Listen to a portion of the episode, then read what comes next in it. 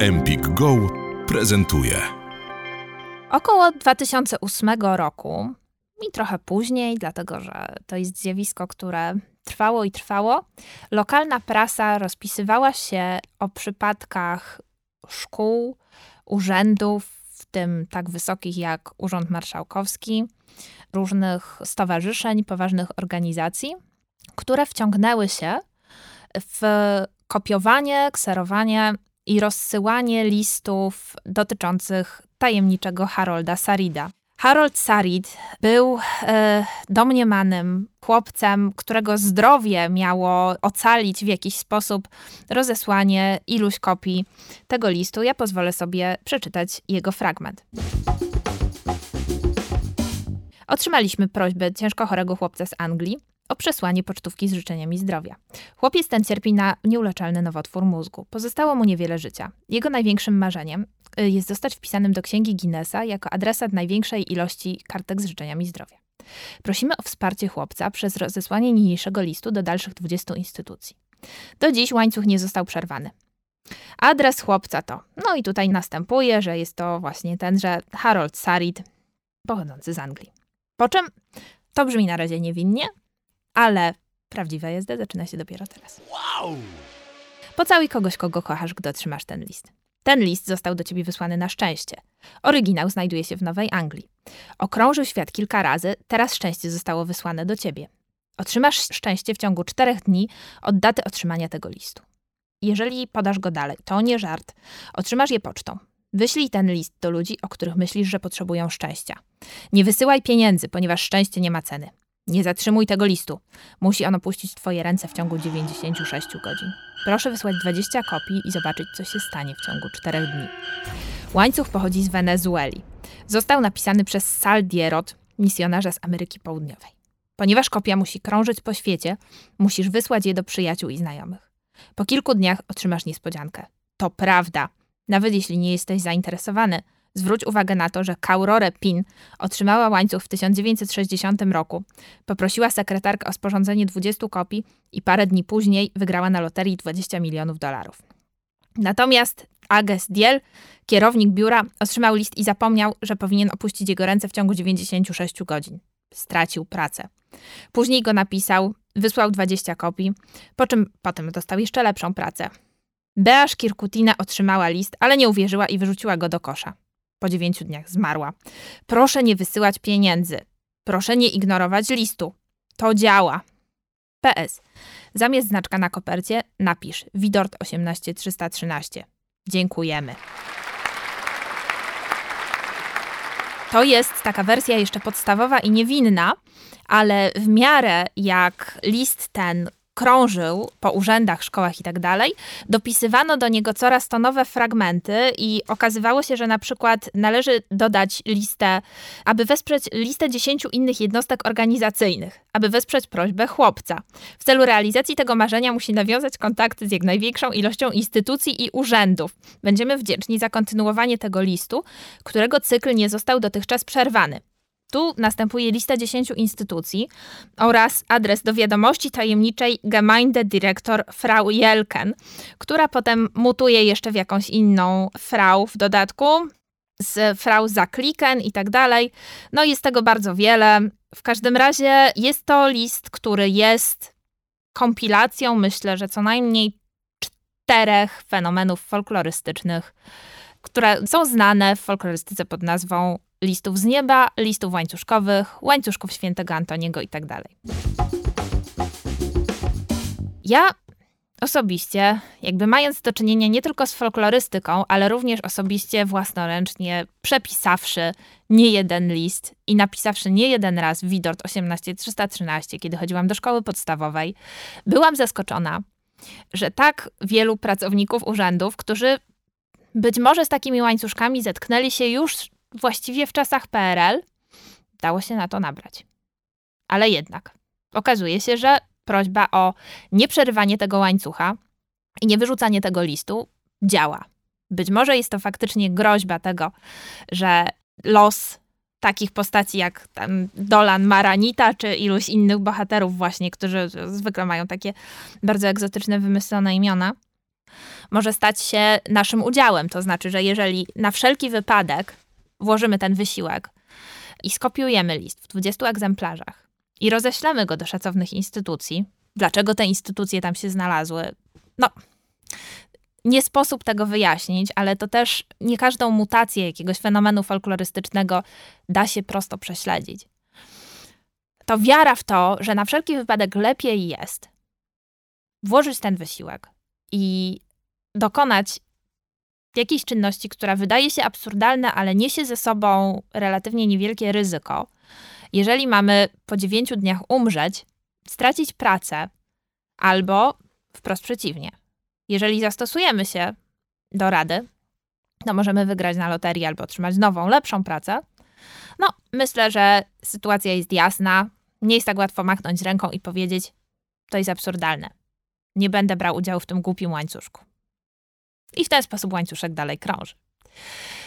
Tak jak wspomniałam, zdarzyło mi się wiele razy wysłać list z napisem Widort. Wtedy jeszcze nie trzeba go było rozsyłać do 10 instytucji, tylko po prostu do 10 znajomych. Nie było wtedy jeszcze takich udogodnień jak przepisanie na komputerze.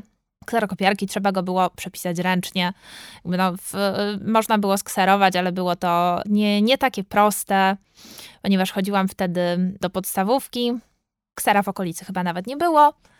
Y, w związku z czym ja i moi koledzy i koleżanki ze szkoły pracowicie przepisywaliśmy te listy właśnie w obawie przed tym, że spotka nas y, los Dolana Maranity, który po dziewięciu dniach zmarł.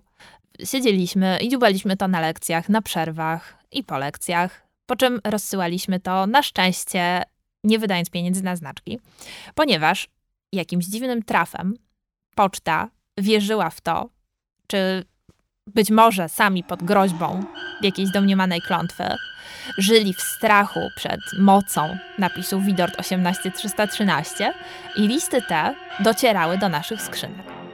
Myślę, że dostałam takich co najmniej 10, no i oczywiście sama przyczyniłam się do tego, że one utrzymywały się w obiegu, dlatego że po prostu przepisywałam je i posyłałam dalej.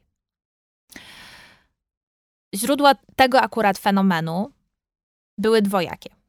Po pierwsze, było to autentyczne ogłoszenie chłopca, który nazywał się Craig Shergold, nie, nie, nie Harold Sarit, ani nie Darling Harold, czy jeszcze kilka innych mutacji yy, imienia i nazwiska, czasami absolutnie kosmiczne. Faktycznie był on chorym chłopcem, który ogłosił, że zbiera pocztówki i chciałby trafić do Księgi Rekordów Guinnessa.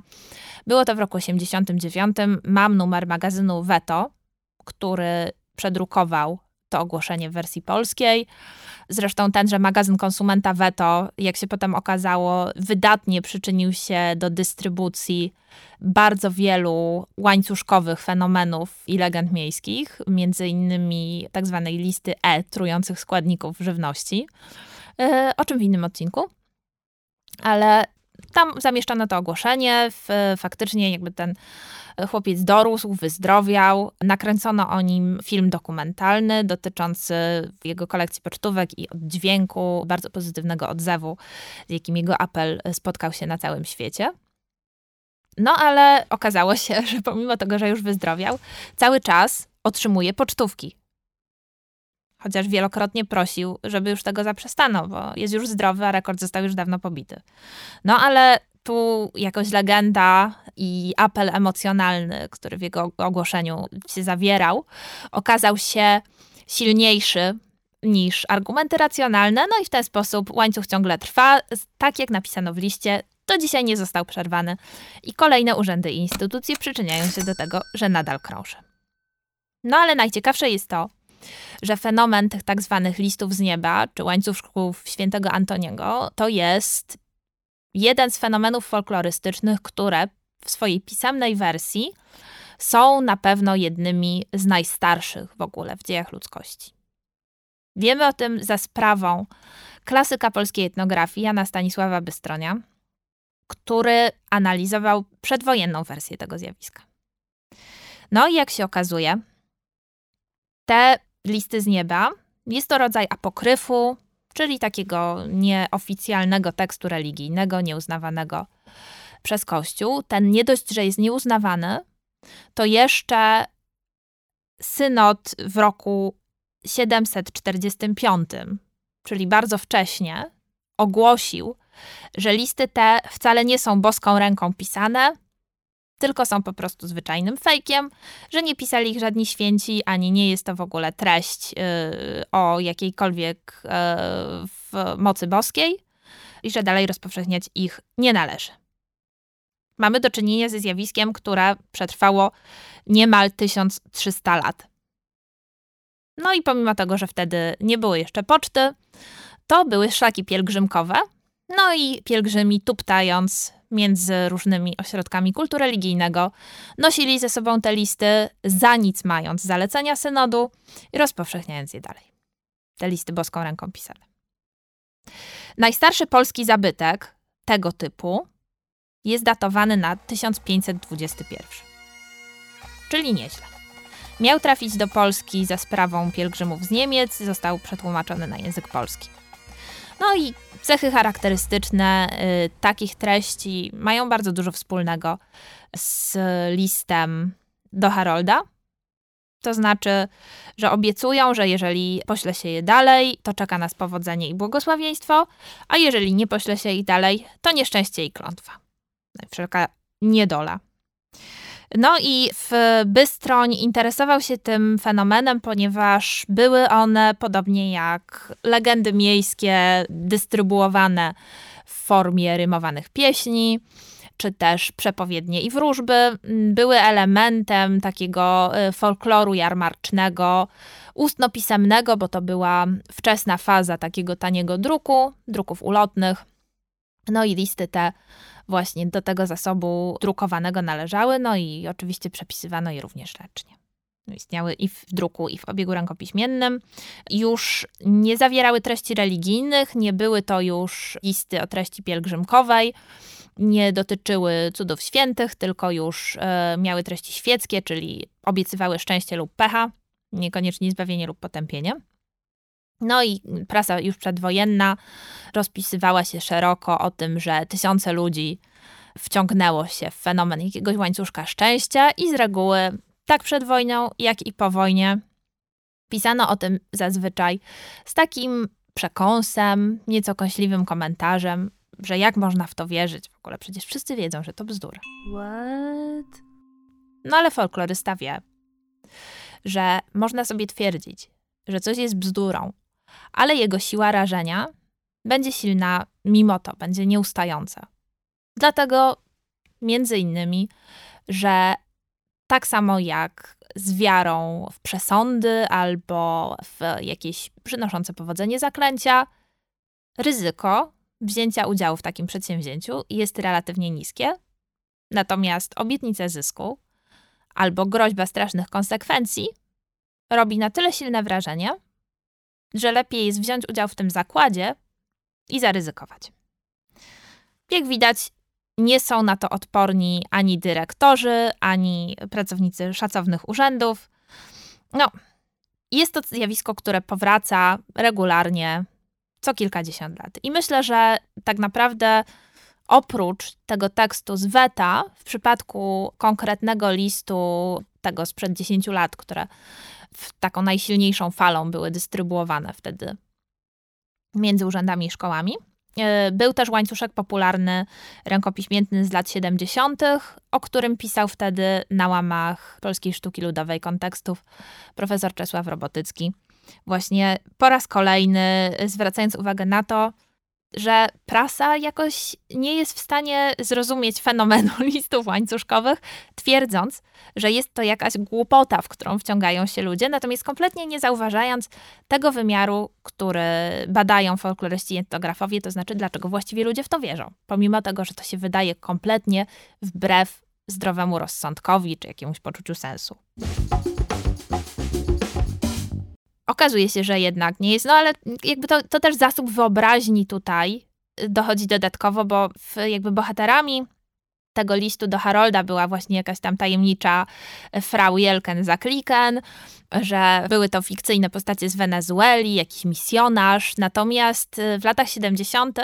znacznie częściej i chętniej y, wciągano postacie y, faktycznie istniejące w latach 70. i 80., bo myślę, że to w między te dwie dekady rozciągał się okres popularności tegoż łańcuszka i między innymi ich bohaterem miał być jakiś tajemniczy y, chłopiec z Wietnamu, Józef Cyrankiewicz, który też podobno miał to kopiować, marszałek Tito również miał brać udział w takim łańcuszku rzekomo, no nie możemy tego sprawdzić.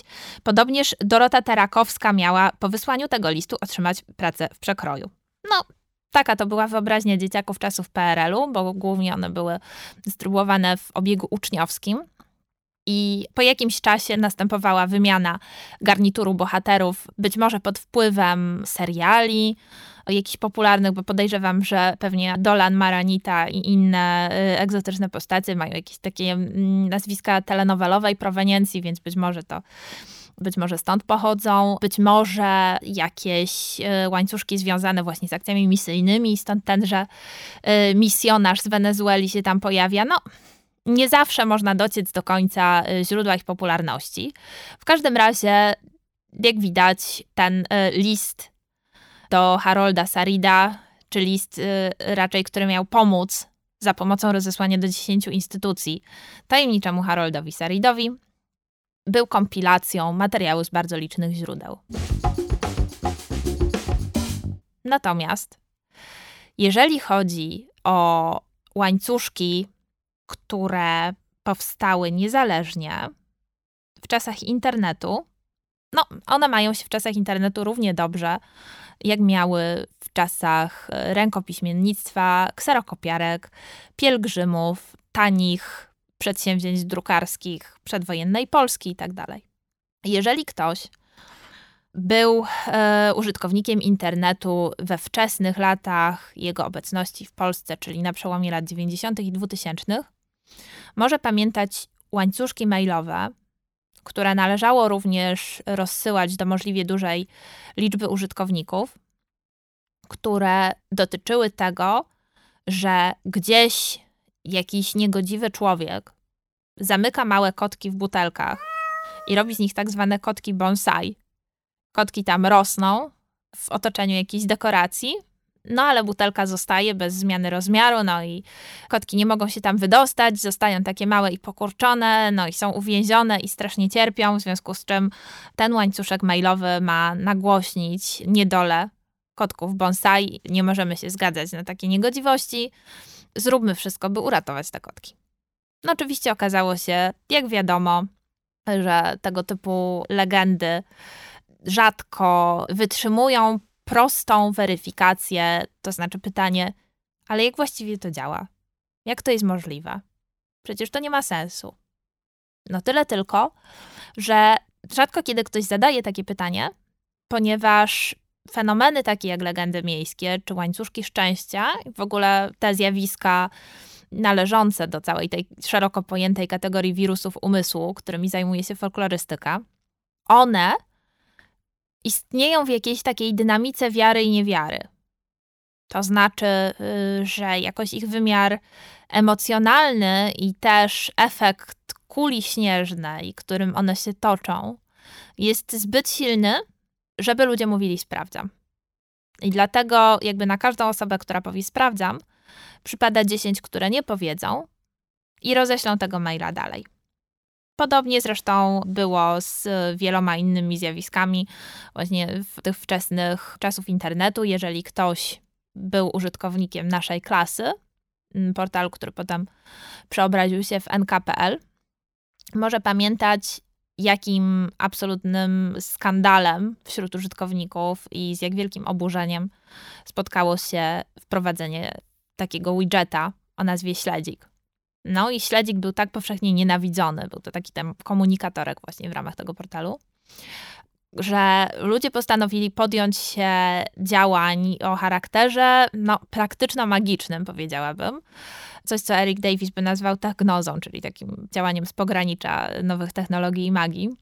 Okazuje się, że one mają ze sobą znacznie więcej wspólnego niż nam się wydaje. Jakby to nauka i magia miewają czasami taką szarą strefę gdzie bardzo lubią się spotykać. No i folklorystyka również to bada. Dlatego jest taką ciekawą nauką. No, w każdym razie te wiadomości y, dotyczące śledzika miały sprawić, że jeżeli, jeżeli ileś tam tysięcy osób wklei hasło śledziku, wypier i to jest pisane oczywiście takim kodem wczesnointernetowym, gdzie zamiast E używa się trójki, zamiast S używa się piątki, zamiast A używa się małpy i tak dalej. To to właśnie zaklęcie nie używano tego słowa, ale jakby administratorzy naszej klasy mieli wziąć to sobie do serca i mieli zlikwidować śledzia. No nic takiego się nie stało. Zaklęcie nie zadziałało. Ale to nie ma znaczenia, dlatego że zmieniają się media, zmienia się sceneria, zmienia się główne medium społecznościowe i okazuje się, być może również wasi znajomi wklejali na Facebooku informacje, że w odpowiedzi na konwencję, nie pamiętam teraz jaką, nie życzą sobie wykorzystywania swoich danych osobowych przez portal Facebook. No i właśnie ta oto klauzula miała chronić cudownie ich dane osobowe, co oczywiście tak nie działa, ponieważ zakładając konto na portalu zgadzamy się na prawa i obowiązki, jakie są zawarte w, w regulaminie. No i jakby taka klauzula ma działanie wyłącznie psychologiczno-magiczne czy rytualne, ale mimo to i pomimo tego też, że bardzo wiele razy powtarzano, że nie ma to żadnego znaczenia, że jest to właściwie pusty gest, to ludzie dalej to robią. I zdarzało mi się widzieć nie tylko najlepsze twarze mojego pokolenia, ale także znacznie starszych i utytułowanych i wielkie autorytety różne, które właśnie wklejały te klauzule w nadziei, że ich dane osobowe cenne zostaną uchronione przed dystrybucją pomiędzy wielkimi firmami technologicznymi. No nie, to tak nie działa, ale jakby jest to, jak w książce Zuzanny Grębeckiej, słowa magiczne poddane technologii. Oczywiście nie zawsze tak się zdarza, że tego typu łańcuszki są zupełnie niewinne, dlatego że zdarzają się też takie przypadki i pewnie widywaliście to czasem, że ten efekt kuli śnieżnej jest wykorzystywany po to, żeby rozpowszechniać jakąś fałszywą wiadomość, żeby wzbudzić sensację, że jest efektem jakiejś mitomanii i ma się rozpowszechniać sytuację na przykład o kimś potrzebującym pomocy, czy że na przykład jest potrzebna zbiórka pieniędzy, czy rozesłanie ileś tam razy wiadomości, żeby dotarła do jak największej liczby osób. W, na temat tego, że jest ktoś potrzebujący pomocy, że jest ktoś potrzebujący zbiórki z powodu jakiejś poważnej choroby, czy że gdzieś tam jest, e, nie wiem, jakiś piesek uratowany, któremu trzeba teraz pomóc w rehabilitacji, rekonwalescencji, więc potem czasami się okazuje, że faktycznie ktoś debankuje tego typu wiadomości i okazuje się, że są one zmyślone, że one są rozpowszechniane właśnie w takim trybie, takim sposobem, jak właśnie klasyczne y, łańcuszki typu list z nieba, łańcuszek świętego Antoniego. I no, pozytywną ich stroną jest to, że jest y, faktycznie jakby żadne nieszczęście się nie stało, no ale dzieje się nieszczęście w innym wymiarze. To znaczy takie, że zostaje jakoś podkopane zaufanie w sens jakichś społecznościowych akcji, ponieważ ludzie myślą, że skoro jakoś włożyli swoje zaangażowanie, przejęli się jakąś historią, włożyli swoje emocje, swój jakiś tam wysiłek, uwagę w przeczytanie i posłanie dalej jakiejś wiadomości, która poruszyła ich serca i duszę, a która okazała się kłamstwem, no to następnym razem już tego nie zrobią, podczas kiedy może się okazać, że akurat to będzie historia zweryfikowana i że to będzie ktoś faktycznie potrzebujący pomocy. Więc to jest taka faktycznie negatywna strona tych łańcuszków.